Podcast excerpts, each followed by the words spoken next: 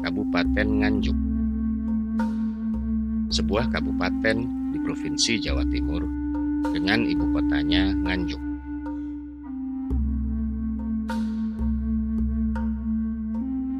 Nama Nganjuk dikaitkan dengan Anjuk Ladang, sebuah nama tempat yang disebutkan dalam prasasti Anjuk Ladang.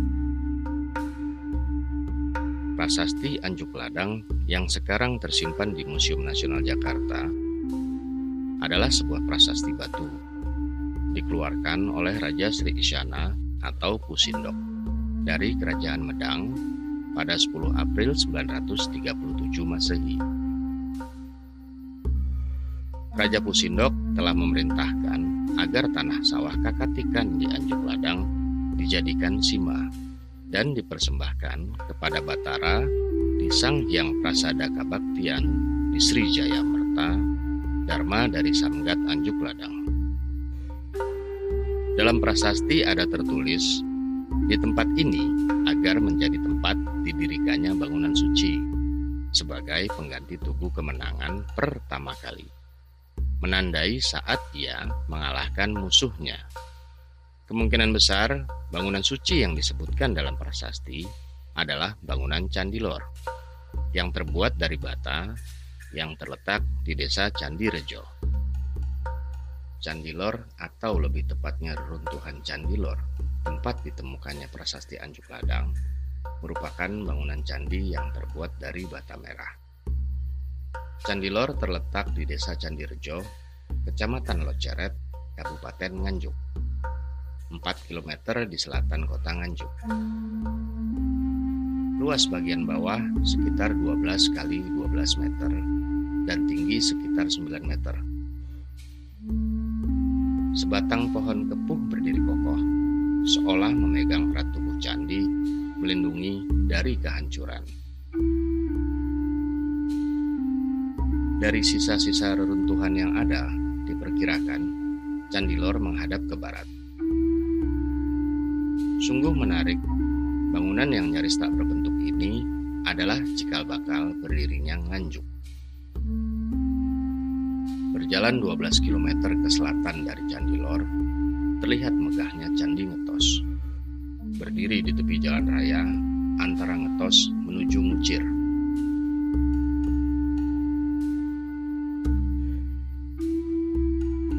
Secara fisik, bangunan ini sudah rusak. Beberapa bagiannya sudah hilang. Candi ini berukuran 9 x 9 meter di bagian kaki, tinggi 10 meter. Letak pintu masuk agak di atas, setinggi 2,5 meter. Terdapat tiga buah relung di ketiga sisinya. Satu yang menarik, di atas relung sisi selatan terlihat motif kepala kala yang amat besar, berukuran tinggi 2 kali 1,8 meter. Mata melotot menakutkan, menggambarkan kewibawaan.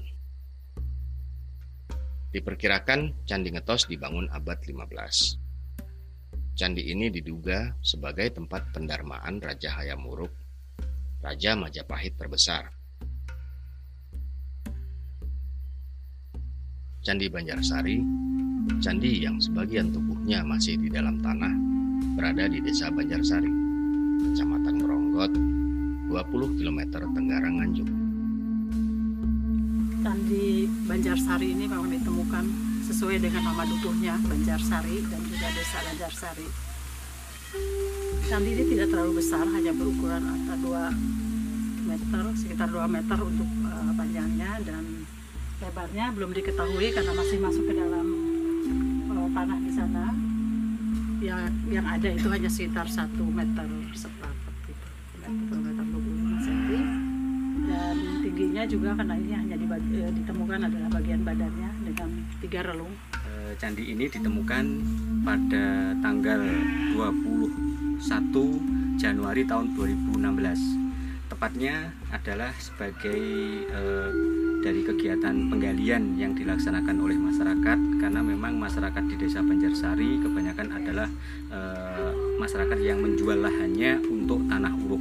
Uh, saya jual e, tanah uruk dibeli sama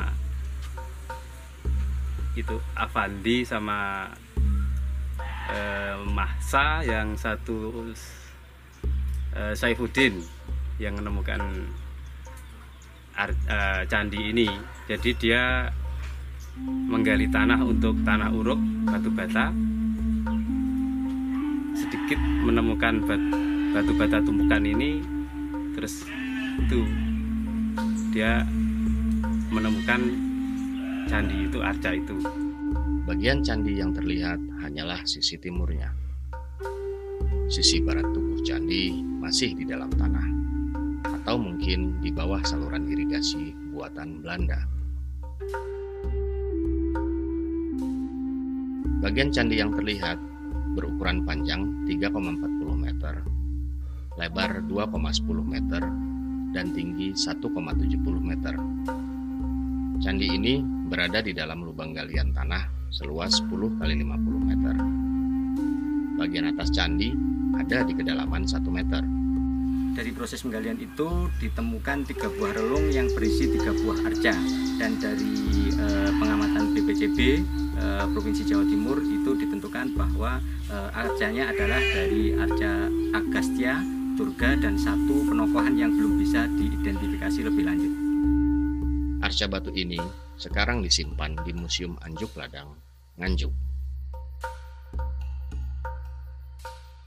Pada Oktober 2017, Pusat Penelitian Arkeologi Nasional menurunkan tim untuk melakukan penelitian di Candi Banjarsari.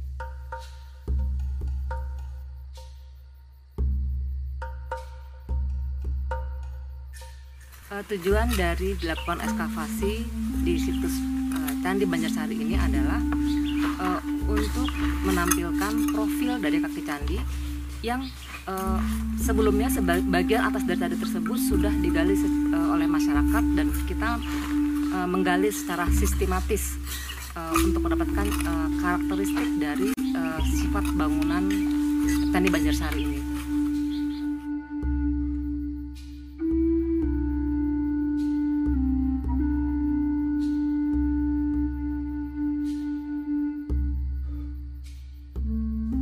Sedikit demi sedikit, tanah diangkat.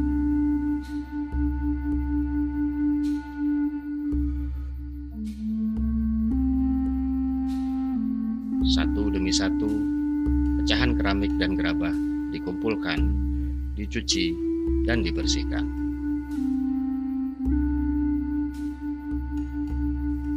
Lapis demi lapis stratigrafi diamati.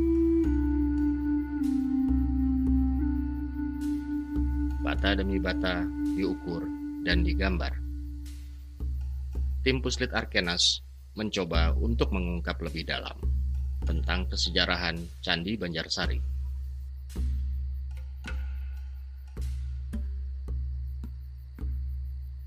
Sekitar 2 km di selatan Candi Banjarsari, di Dusun Sono Pinggir, Desa Juwet, Kecamatan Meronggot, terlihat bata-bata berwarna putih tersusun membentuk struktur bangunan.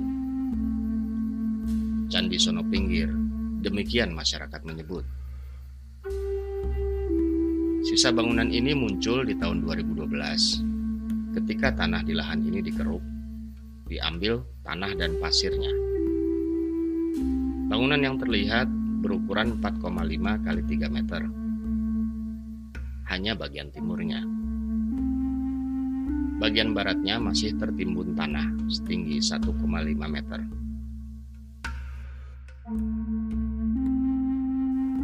Di musim penghujan, Candi Sono Pinggir menjadi tempat memancing. Pemancingan Sono Pinggir.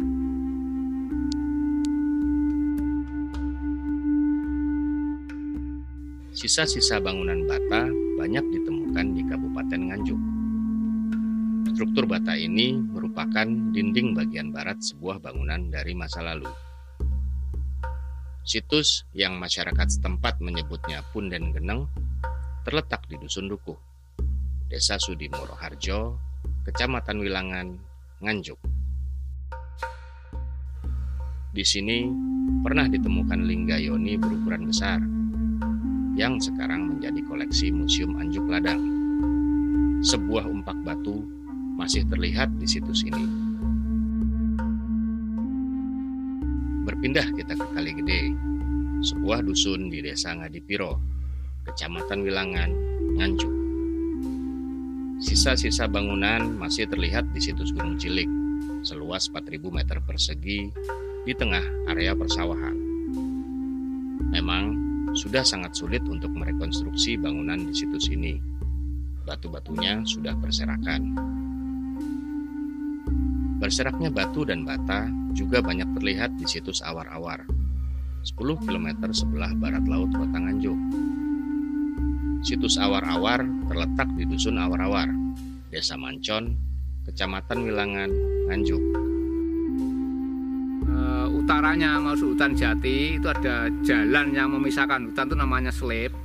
Di timurnya jalan hutan itu namanya sekitar 1 meter ada situs peninggalan namanya Watu Kandang. Watu Kandang masih bagian dari situs peninggalan yang ada di sebelah barat selip yaitu masuk Dukuh Butuh Dusun Jatisari yaitu situs Geblung. Nah, situs Gemblung masih ada peninggalan berupa batu merah dan lain-lain dan dulu masih ditemukan tempat untuk bermain anak-anak yaitu Watu Dakon. Tapi sekarang barangnya sudah tidak ada lagi. Kalau e, bekas ompak-ompak pondasi batu merahnya masih ada. Dan itu kemungkinannya ini dimungkinkan kalau dari sebuah desa itu ya ada yang mengatakan secara metafisika itu ada pendoponya dulu tempat tinggal begitu. Ya sebelah timur itu waktu kandang. Kemungkinannya ini kemungkinan untuk apa peliharaan ternak atau apa kandang itu kan tempat ternak. Jadi kemungkinannya itu. Jadi secara pasti tidak bisa menjelaskan tapi namanya waktu kandang yang sebelah baratnya yang gemblung situs gemblung Situs seluas 120 hektar ini berada pada area milik perhutani yang ditanami kayu putih dan jati pada situs ini banyak ditemukan pecahan bata, pecahan batu, pecahan keramik, pecahan gerabah, juga lesung batu, utuh maupun pecah.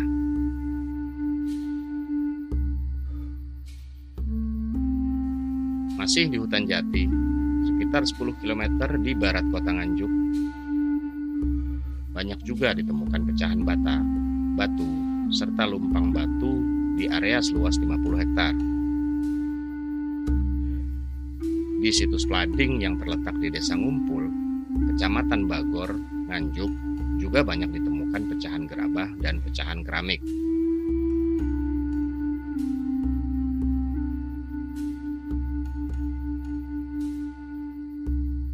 Penelitian arkeologi di Nganjuk tahun 2017 ini telah mengumpulkan banyak data. Pecahan keramik, gerabah,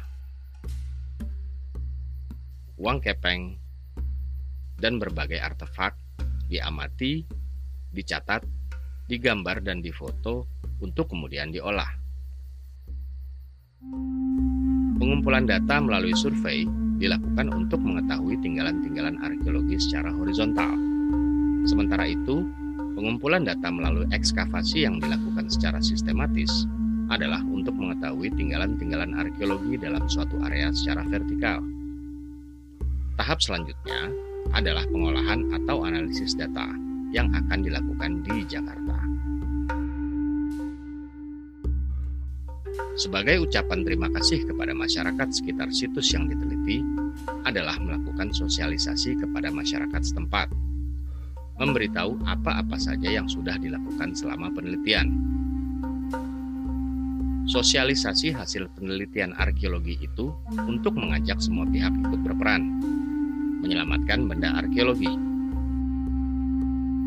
sebelum terlambat.